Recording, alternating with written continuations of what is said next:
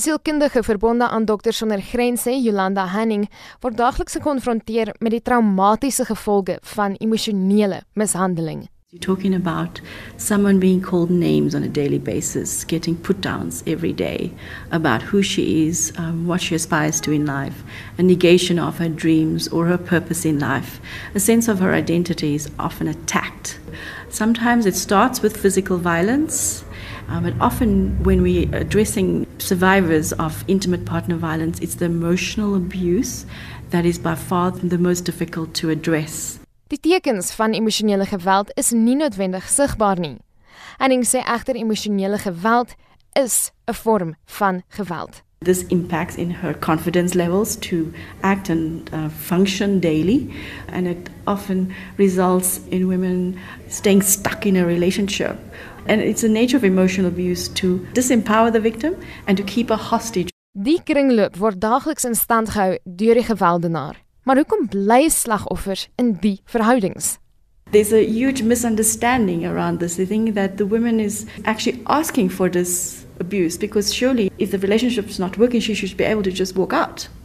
And when you listen to the stories of the women, you realize there's a sense of the dependency, often for economic survival, on this very man that's putting them down on a daily basis. They're staying because of the children. They're worried of the well being of others and not themselves. Henning waarsku dat die samelewing dikwels 'n aandeel daarin het dat vroue in die tipe verhoudings bly. There's a tendency to blame the victim in situations like this. Society also would perceive it as weak in character if you're not able to turn the other way and say, no, that's not true about me. But we're often looking at situations where women start in relationships very young. So when they are in this relationship so early, it's like you're training a child to be who she is. Sy sê die oomblik dat 'n vrou uit die verhouding pad gee, is sy juis kwesbaar vir verdere geweld.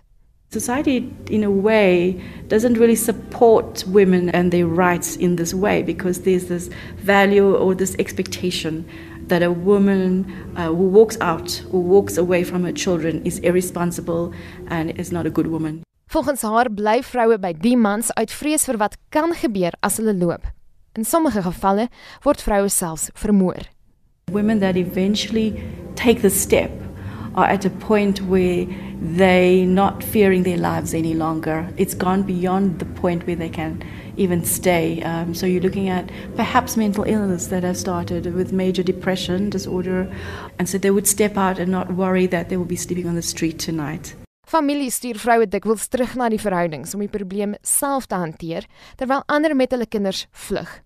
Weens gebrekkige regeringshulp word hulle dikwels slagoffers van verdere geweld. Children are not going to school, the state of despair increases, the state of anxiety increases.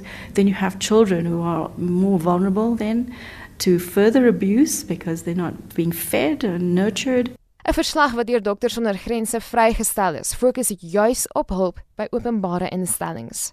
What we are we're wanting to propose that um, there be assessment or screening for mental health disorders like anxiety, like major depression, like post-traumatic stress disorder, like suicidality, so that these survivors can be referred to adequate psychological and psychiatric care.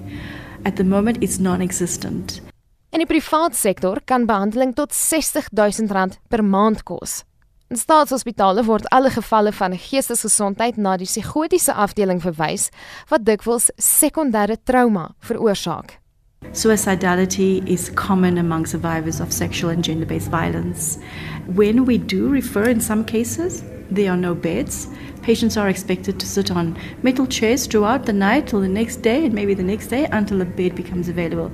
And imagine uh, someone suffering major depression having to be expected to wait for so long. It's a complete violation of the human rights. 'n Voormalige slagoffer van geweld moedig jou egter steeds aan om hulp te kry as jy in die situasie vasgevang is. Ek sou nou deur baie minder gegaan het as ek het. Daar is hulp daar buite en daar is mense wat verstaan en dit is oukei okay om om nie oukei okay te wees nie en daar is mense wat kan help wat weet hoe om te help en as jy dit opkrop dan veroorsaak dit net soveel ander issues. Ek is Marlene Forsie vir SAK nuus.